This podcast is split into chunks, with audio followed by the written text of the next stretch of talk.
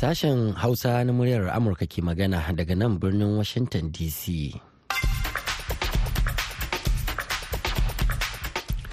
Masu saurare Assalamu alaikum barkamu da wannan lokaci.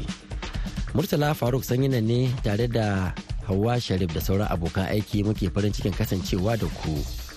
Kafin ku ji abubuwan da muke tafa da su ga kanun labarai.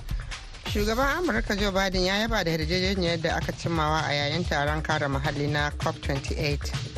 A jiya Laraba, dakarun Isra'ila suka ce an kashe sojojinsu goma a yayin wani gumurzu a arewacin garin wato zirin Gaza.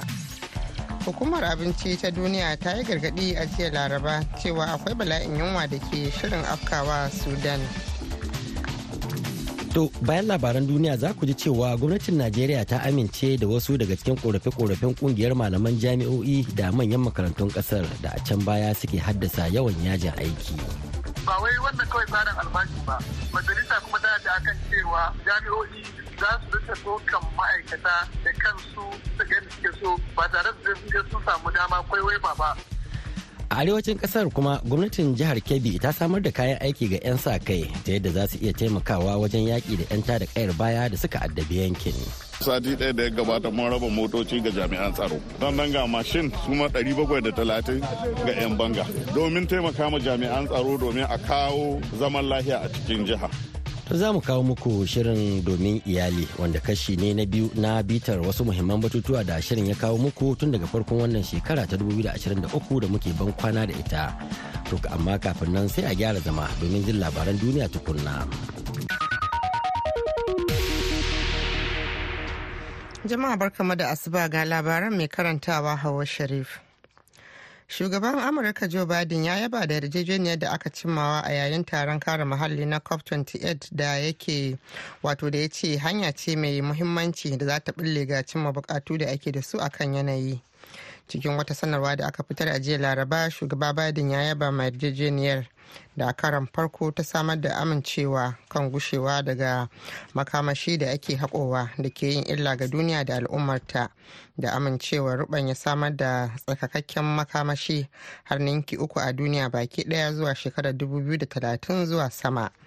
To sai dai shugaba biden ya ce har yanzu akwai aiki a gabansu wajen cimma ƙudurorin da aka sa a gaba. A jiya laraban ne wakilai daga ƙasashe kusan 200 suka amince a yayin babban taro kan yanayi na majalisar ɗinkin duniya a dubai na yin ƙaura daga amfani da makamashi da ake haƙowa daga ƙarƙashin ƙasa. A jiya laraba dakarun isra'ila suka ce an kashe sojojinsu goma a yayin fafatawa arewacin zirin gaza. A hankoran da take yi na ganin bayan mayaƙan hamas daga doron ƙasar palestino yayin da shi kuma shugaban amurka joe biden ya gana da iyalan amurkawa da hamas ke garkuwa da su a jiya laraba. Dakarun isra'ila sun ce sun kai hari kan wurare har 250 a 'yan kwanakin nan da suka shige. Hare-haren da isra'ilan ta kai sun hada da kai hari akan abin da sojojin suka kira wani ayarin hamas da ke shirin kaddamar da hare-haren wato makaman roka akan isra'ila. A yayin wani gumurzu a gaza sojojin isra'ila sun gano gawawakin mutane biyu da hamas ta yi garkuwa da su a harin da ta kai a watan oktoba da ya janyo mai da martanin sojin isra'ila. Wani mai magana da yawun dakarun rundunar tsaron isra'ila ya ce hamas na riƙe da mutanen da ta yi garkuwa da su a gine-ginen ƙarƙashin ƙasa a yankunan da ke cunkushe da jama'a a sassa daban-daban da ke gaza abin da ya sa ayyukan ceto ke da sarƙaƙiya. Amma ya ce hakan ba zai sa isra'ilan ta yi ƙasa a guya ba a ƙudurinta na kuɓutar da dukkan waɗanda aka yi garkuwa da su. Shugaban sojin pakistan yana birnin washington a wannan makon inda yake neman agajin amurka game da abin da islamabad ta yi zargin cewa makwabciyar ƙasar ta afghanistan ta zama wani tudun mun tsira ga 'yan ta'adda. Kwararru a harkar tsaro sun ce janar asim munir na ƙoƙarin jin ra'ayin jami'an tsaron amurka don su amince cewa kungiyoyi irin su tariq al-taliban ttp da ƙungiyar fafutukar kafa a ƙasar musulunci ta khorasan ask ba wai kawai barazana ne ga pakistan ba amma barazana ne ga tsaron ita kanta amurkan da sauran duniya. Shugaban cibiyar wilson da ke kula da harkokin kudancin asia michael goldman ya lura cewa ko da shike pakistan na buƙatar tausayawa amurka da damuwar da ta nuna kan yaƙi da ta'addanci. Akwai hulɗa tsakanin dakarun amurka da na pakistan da ta hada da haɗin gwiwa a yaƙi da ake da ta'addanci na tsawon shekaru da ma matsayar ilimi wato da ma musayar ilimi da bayar da horo ana sauraron labaran ne daga nan sashen hausa na murya amurka a birnin washington dc To nan ba da jimawa ba Hauwa za ta sake shigowa da labaran duniya kashi na biyu. To amma kafin nan, Majalisar Zartarwa ta Najeriya ta yanke shawarar cire malaman jami'o'i da manyan kwalejojin ƙasar daga tsarin biyan albashi na bai ɗaya na ma'aikatan gwamnatin tarayya wato IPPS, wanda yana daga cikin abubuwan da ke haddasa yajin aikin malaman jami'o'in tsawon shekaru. wakilin mu umar faruk musa ya tattauna da ministan ilimi dr yusuf tanko sununu dangane da dalilan sauya matsayin gwamnati kan wannan batu abin da ya faru shine cewa akwai tsarin albashi da aka yi wanda yake ake biyan ma'aikatan najeriya a ciki wanda yake shine ta hanyar tsara albashi waje guda a biya su tsarin ippis wanda yake shekaru da da suka wuce ana ta takaddama tun da abin da ya faru tsakanin malaman makarantun jami'a da manyan makarantun na kasa baki ɗaya wanda yake suka nuna matsalolin da ke tattare da biyan albashin ta wannan tsari din da haka suka nemi gwamnatin tarayya a kan a fitar da su a cikin wannan tsari din ta biyan su albashi ta hanyar RDIS wanda yake wannan ya yi sanadiyyar samun yajin aiki da aka yi na kasa majalisar zartaswa ta kasa ta dubi wannan tsari din bisa ga abubuwan da suka gudana da kuma kudurin shugaban kasa na samar da ilimi wanda yake ingantacce ba tare da an samu tsaiko ba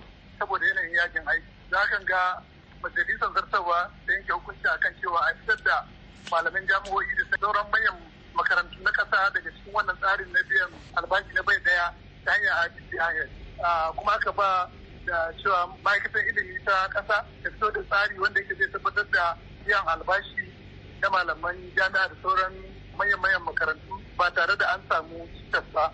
Kuma a kawo tsari yadda yake za a ka dokoki wanda yake za su hana a yi almundahana wajen biyan wannan albashi ta hanyar da yake za a tsara a wannan alama ce da ke cewar an yadda malaman jami'o'i da mayan makarantun ne kenan su riƙa aiki biyu a lokaci ɗaya suna karɓar kuɗaɗe ta fannoni daban-daban? a ba wannan ba haka ba ne tsarin ya kawo ko wasu abubuwa da suka shafi malaman manyan makarantu wanda yake tsarin IGPIS bai iso da su ba. To don haka da aka cewa kuma akwai ba wai wannan kawai tsarin albashi ba. Majalisa kuma da akan cewa jami'o'i za su riƙa dokan ma'aikata da kansu su ga suke so ba tare da sun je sun samu dama kwaiwai ba ba na wajen dokan malamai. Lokacin da malamai suka wuce to za su amfani da wannan damar su sake dokan waɗanda yake za su cika guraben waɗannan suka bari. Halin yanzu idan malami ya bar jami'a zai da dogon lokaci kafin shugaban jami'a ya samu dama a amince masa ya doki malamai. Wannan ya kawo cewa yana kawo cikas ga sha'anin tabbatar da sha'anin ilimi na karantarsuwa a Najeriya wannan yana daga cikin abubuwan da aka duba kuma aka gyara a kansu. Wannan dai wani yunkuri ne na shawo kan malaman jami'ai su daina magana yajin aiki ko? Ba wai kawai din su daina yajin aiki ba hanyoyi ne da na tabbatar da cewa ilimi ya samu kulawa na musamman ga wannan gwamnatin domin kawo tsari da yake za a ba da tsari wanda yake zai daure ya kuma kauce ma yawan aiko da ake samu na yajin aiki. Ministan ilimin Najeriya Dr. Yusuf Tanko Sununu kenan a zantawarsa da wakilin mu Umar Faruk Musa. To kuna tare ne da sashen Hausa na muryar Amurka kai tsaye daga nan Washington DC yanzu kuma ga Hauwa ta dawo da karashin labaran duniya. Hukumar Abinci ta Duniya ta yi gargaɗi a jiya Laraba cewa akwai bala'in yunwa da ke tafe da ke shirin afkawa Sudan. Inda watannin da aka shafe ana rikici da tashin farashin kayayyakin abinci da ƙarancin girbin amfanin gona ya sa mutane da dama fadawa yanayi na yunwa da ke buƙatar agajin gaggawa. Mai magana da yawon ƙungiyar ta wpf a sudan lenny kinsler ya shaida manema labarai cewa a halin yanzu da kimanin mutane miliyan 18 ke fuskantar matsananciyar yunwa a sudan. Adadi da ya kai yawan daukacin al'ummar ƙasar netherlands ya kuma ninka har sau biyu akan yadda adadin yake a daidai irin wannan lokacin a bara. A tsakiyar watan afrilu ne dai fada ya barke tsakanin sojojin sudan da dakarun katta kwana na rsf da ya daidaita mutane miliyan 6.600 a ciki da ƙoƙarin da aka yi ta yi domin ganin an yayyafa wutar rikicin ruwa dai bata kai ga nasara ba.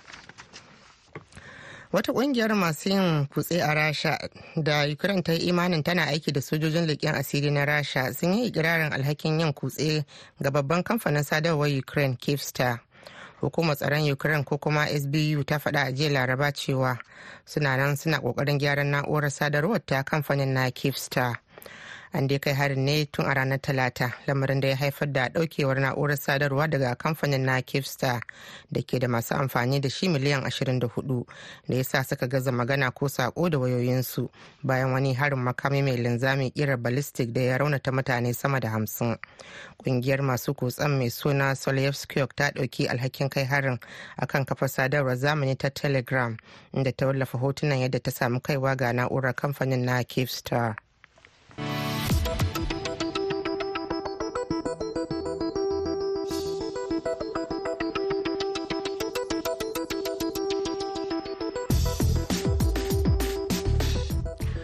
Hauwa Sharif kenan aka saurara da labaran duniya daga nan sashen Hausa na muryar Amurka a birnin Washington DC.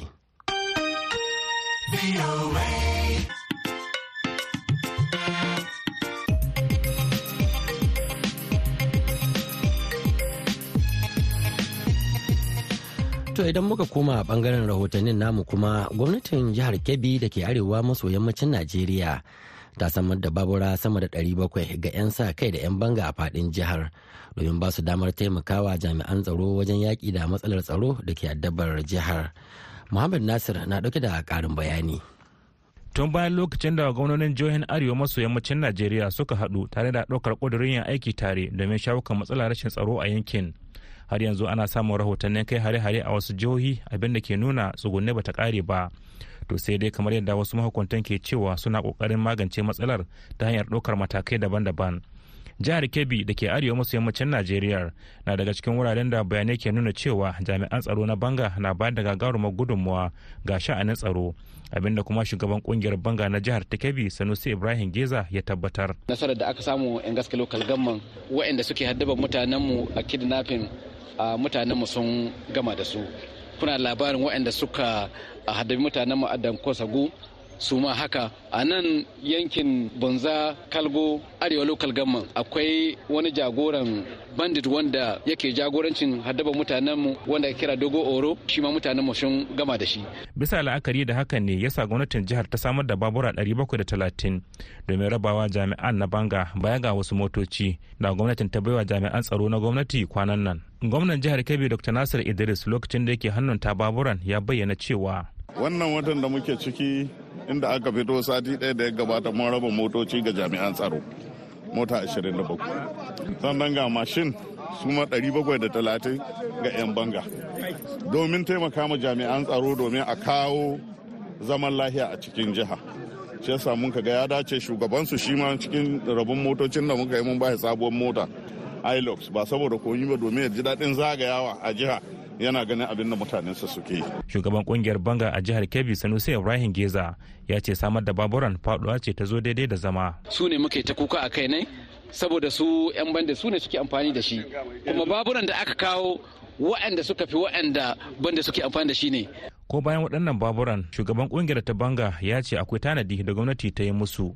Eh ƙwarai a hakikanin gaskiya jiya an kira ni cabinet office na karɓi stock na wasu bindigogi a jiya ne na kai su police headquarter domin sa kifin kafin su ma a raba su. To ko wannan abun zai yi tasiri wajen samun sauƙin matsalar rashin tsaro a jihar? Detective Awal Baladir mai iya masanin tsaro ne a Najeriya. To wannan yana ɗaya daga cikin wato ƙoƙari da hoɓɓasa da gwamnonin arewa suke yi. Idan babu wayannan jami'an tsaron na sa kai to su ma jami'an tsaron gwamnati ba za su iya ba saboda ba su da yawa kuma ba a ko'ina suke ba kuma ba lalle ne sun san sako da loko na kowane ɓangare ba. To wannan gaskiya zai taimakawa harkar jami'an tsaro ƙwarai da gaske. Duba da yadda lamura ke tafiya a wasu jihohin Najeriya inda siyasa ke yankane kane a cikin lamura ya sa masu lura da lamuran yau da kullum na fatar cewa kada a saka siyasa a cikin wannan lamarin ta yadda zai amfani jama'ar da aka yi domin su. Muhammad Nasir muryar Amurka daga Kebbi a Najeriya. A gaida Muhammad Nasir, to kada manta wannan shirin na zuwa muku ne daga nan birnin Washington DC akan mitoci 16, 25 da kuma 31. A jamhuriyar Nijar kuma za a iya sauraron mu a tashar mota VOA Africa akan mita 200.5. Baya ga haka a koda yaushe ake so za a iya zuwa shafukan mu na intanet a voahausa.com ko kuma sashen hausa.com. Yanzu kuma ga shirinmu na gaba. Ya Allah ya Allah na roka. Allah ni kai ne na roka ka ka ba. Ku jama'a tambaya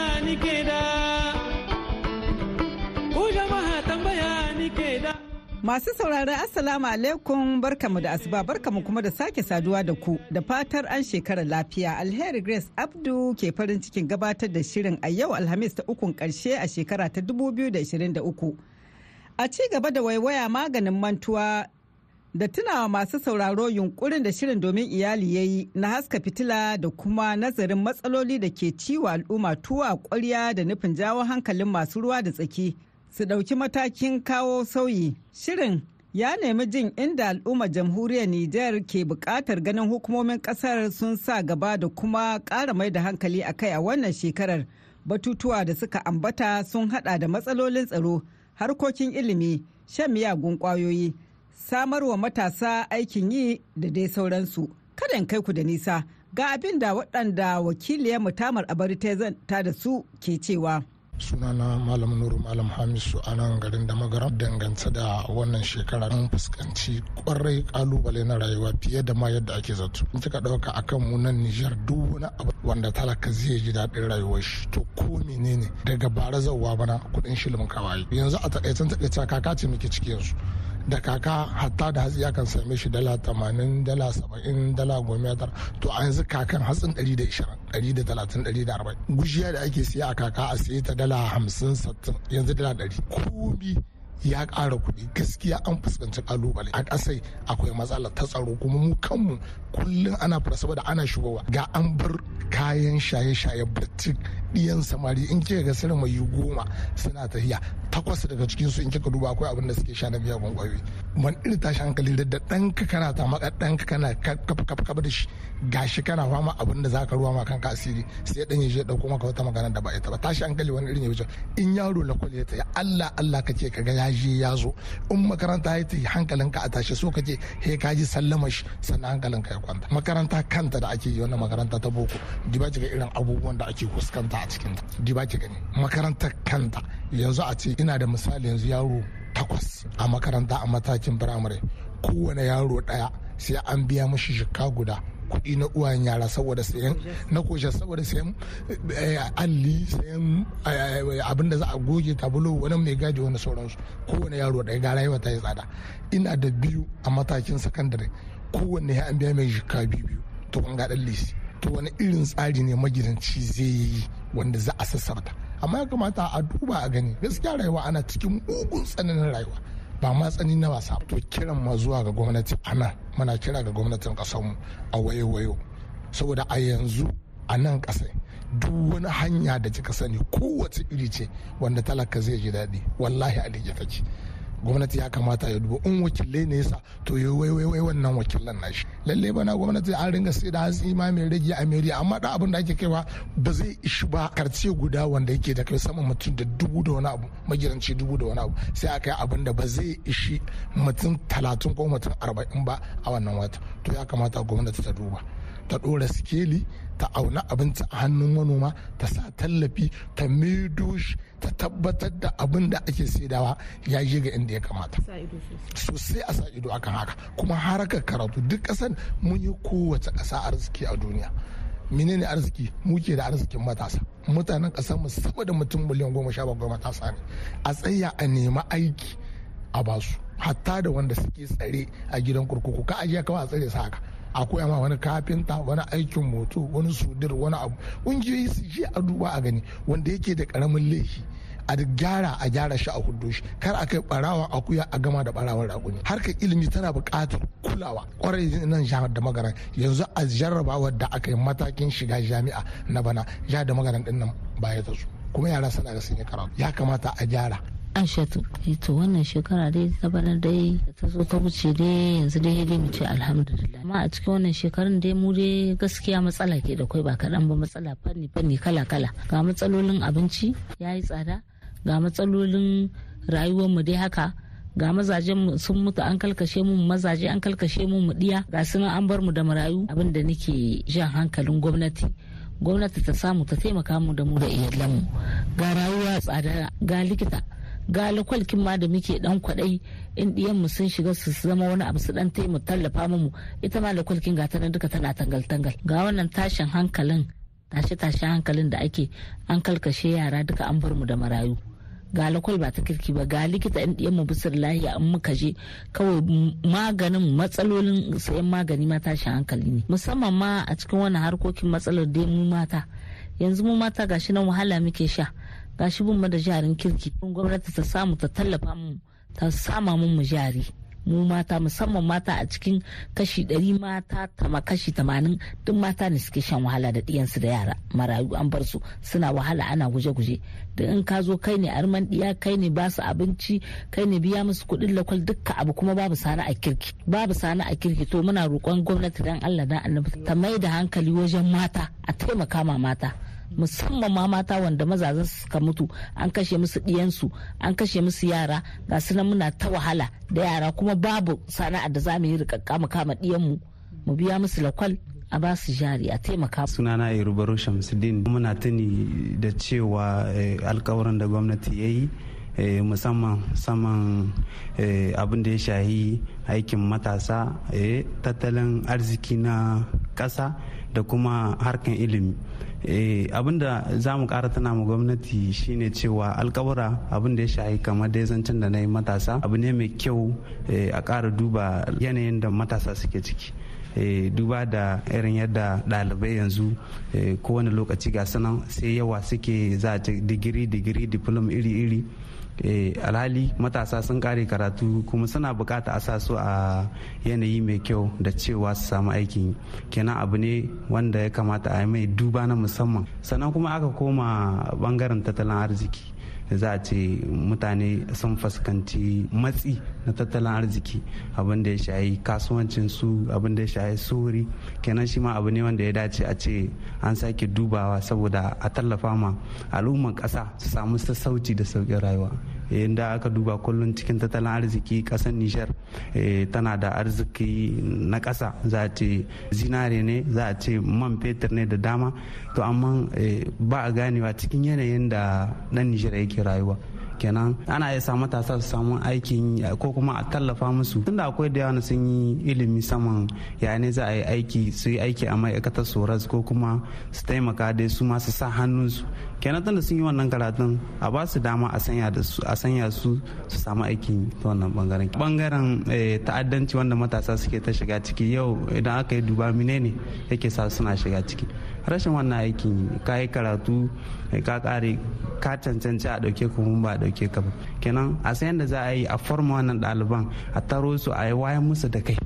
Abu ne mai matuƙar muhimmanci wanda zai ba su dama su zo su kama aikin kasa su yi kishin kasa kenan a kori ta'addanci a cikin ƙasar Nijar. Bangaren shaye-shaye shi ma dai abu ne wanda gwamnati ya kamata ta kara kaimi ta kara ƙoƙari wajen wayar da al'umma duk da cewa akwai wasu kungiyoyi da dama a cikin jihohi wanda suna ƙoƙari akan wannan kenan ya dace gwamnati shi ma kama musu ya kara ba su goyon baya da tallafi wanda zai ba su dama su wayar da matasa saboda shaye-shaye za ku gani matashi cikin shekarun 25 da shida ya shiga al'amarin shaye-shaye. Kun gani wannan ba a sa ran ya yi gobe mai kyau. Kadan kenan daga cikin abubuwan da suka tsonewa al'ummar jamhuriyar Nijar ido a farkon wannan shekarar. Sai dai babu shakka lamura sun sauya bayan juyin mulkin da aka yi watanni da suka shige. Sabili da haka za mu sake komawa domin neman sani da haska fitila kan abin da ya shafi ci gaban iyali da gina ƙasa. Muna godiya ta musamman ga wakiliyar mutamar abari da ta ba da gudunmuwa yaya kallabin shirin a wannan shekarar mai karewa. Sai kuma mako mai zuwa idan Allah ya nuna mana mu sake shigowa da waɗansu batutuwan. Kada ku manta. Za ku iya samun dukkan batutuwan da muka taɓa wa shirin domin iyali a wannan shekara ta 2023 da ke karewa a shafinmu na intanet ya hausa.com idan kuka matsa shirye-shiryenmu da alheri. Kai mata su ne duniya, su ne daɗin duniya, mata su ne duniya, su ne sarakan duniya, komi don su muke, ashe mu maza bayin muke. Ashe mu maza bayu muke. Ashe mu maza bayu muke. Amma daɗin bautar muke ji balle an ce mai gida. To a gaida Grace Alheri Abdu masu saurare kafin mu ci gaba ga wannan sako.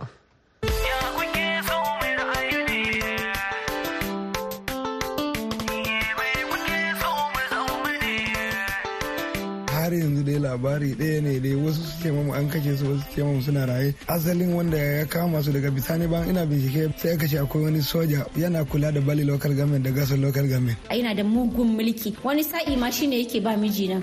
Zai zo ya zuga mijina akan wasu abubuwa mijina kuma sai ya zo ya hau kai saboda shi ba mai son tashin hankali ba ne. Ina gani abin da suka yi niyya dai in dai ba kun sanar ma mutane aka sa kamar buhari ko dai wasu masu iko aka ce ina to a gaskiya za su halakar da ni. Shirin ciki da gaskiya na zuwa muku ne a duk ranar litinin da ƙarfe shirin na safe a wagon Najeriya. Domin bin kadin waɗanda ke zargin an zalunce su. Yaƙi da cin hanci da rashawa har ma da bin gadon marayu.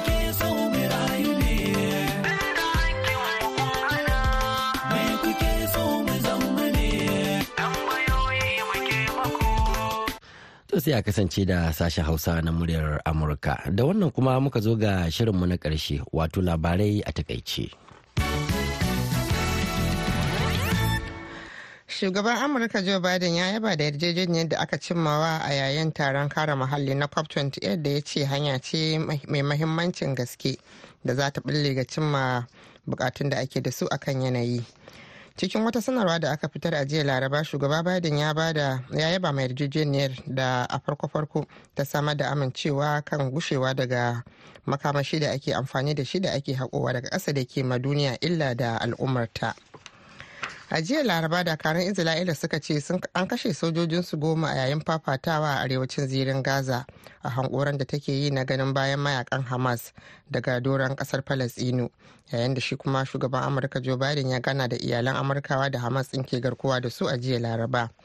Dakarun isra'ila sun ce sun kai hari a kan wurare har 250 a 'yan kwanakin da suka shige. Har-haren da isra'ila ta kai sun hada da kai hari a kan abin da sojojin suka kira wani ayarin hamas da ke shirin kaddamar da hare-hare a kan isra'ilan. Shugaban sojin pakistan yana abin birnin washington a wannan makon inda yake neman agajin amurka game da abin da islamabad ta yi zargin cewa makauciyar ƙasar ta afghanistan ta zama wani tudun mun tsira ga 'yan ta'adda.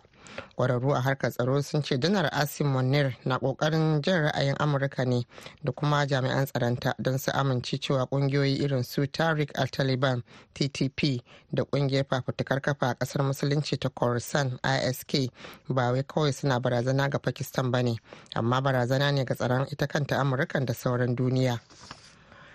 Hukumar abinci ta duniya ta yi gargaɗi a jiya laraba cewa akwai bala'in yunwa da ke shirin afkawa sudan inda watanni da aka shafe ana rikici da tashin farashin kayayyakin abinci da ƙarancin girbin amfanin gona ya sa mutane da dama fadawa yanayi na yunwa da ke buƙatar agajin gaggawa. Mai magana da yan ƙungiyar ta wpf a sudan lenny kinsley ya shaida manema labarai cewa a halin yanzu dai kimanin mutane miliyan 18 ke fuskantar matsananciyar yunwa a sudan adadi da ya kai yawan daukacin al'ummar ƙasar netherlands ya kuma ninka har sau biyu kan yadda adadin yake a daidai irin wannan lokacin a shekarar da ta gabata. Wata ƙungiyar masu yin kutse a rasha da ukraine ta yi imani tana aiki da sojojin leƙen asirin rasha sun yi ikirarin alhakin yin kutse ga babban kamfanin sadarwar ƙasar ukraine wato kyivstar hukumar tsaron ukraine ko kuma sbu ta faɗa a jiya laraba cewa suna nan suna ƙoƙarin gyaran na'urar sadarwar ta kamfanin sadarwar na Kivstar. To masu saurare a nan muka kawo ƙarshen shirin namu na yanzu sai can an jima da ƙarfe 8 na safe agogon Najeriya za a ji mu da wasu sababbin shirye-shirye. Yanzu a madadin Hauwa Sharif da ta taya ne gabatar da shirin sai Dadi Balawe da ya tsara shirin ya kuma ba da umarni da ma injiniyan mu na yanzu Mr. Mock. Murtala Faruk Sanyin na ke muku fata alkhairi ma'assalam.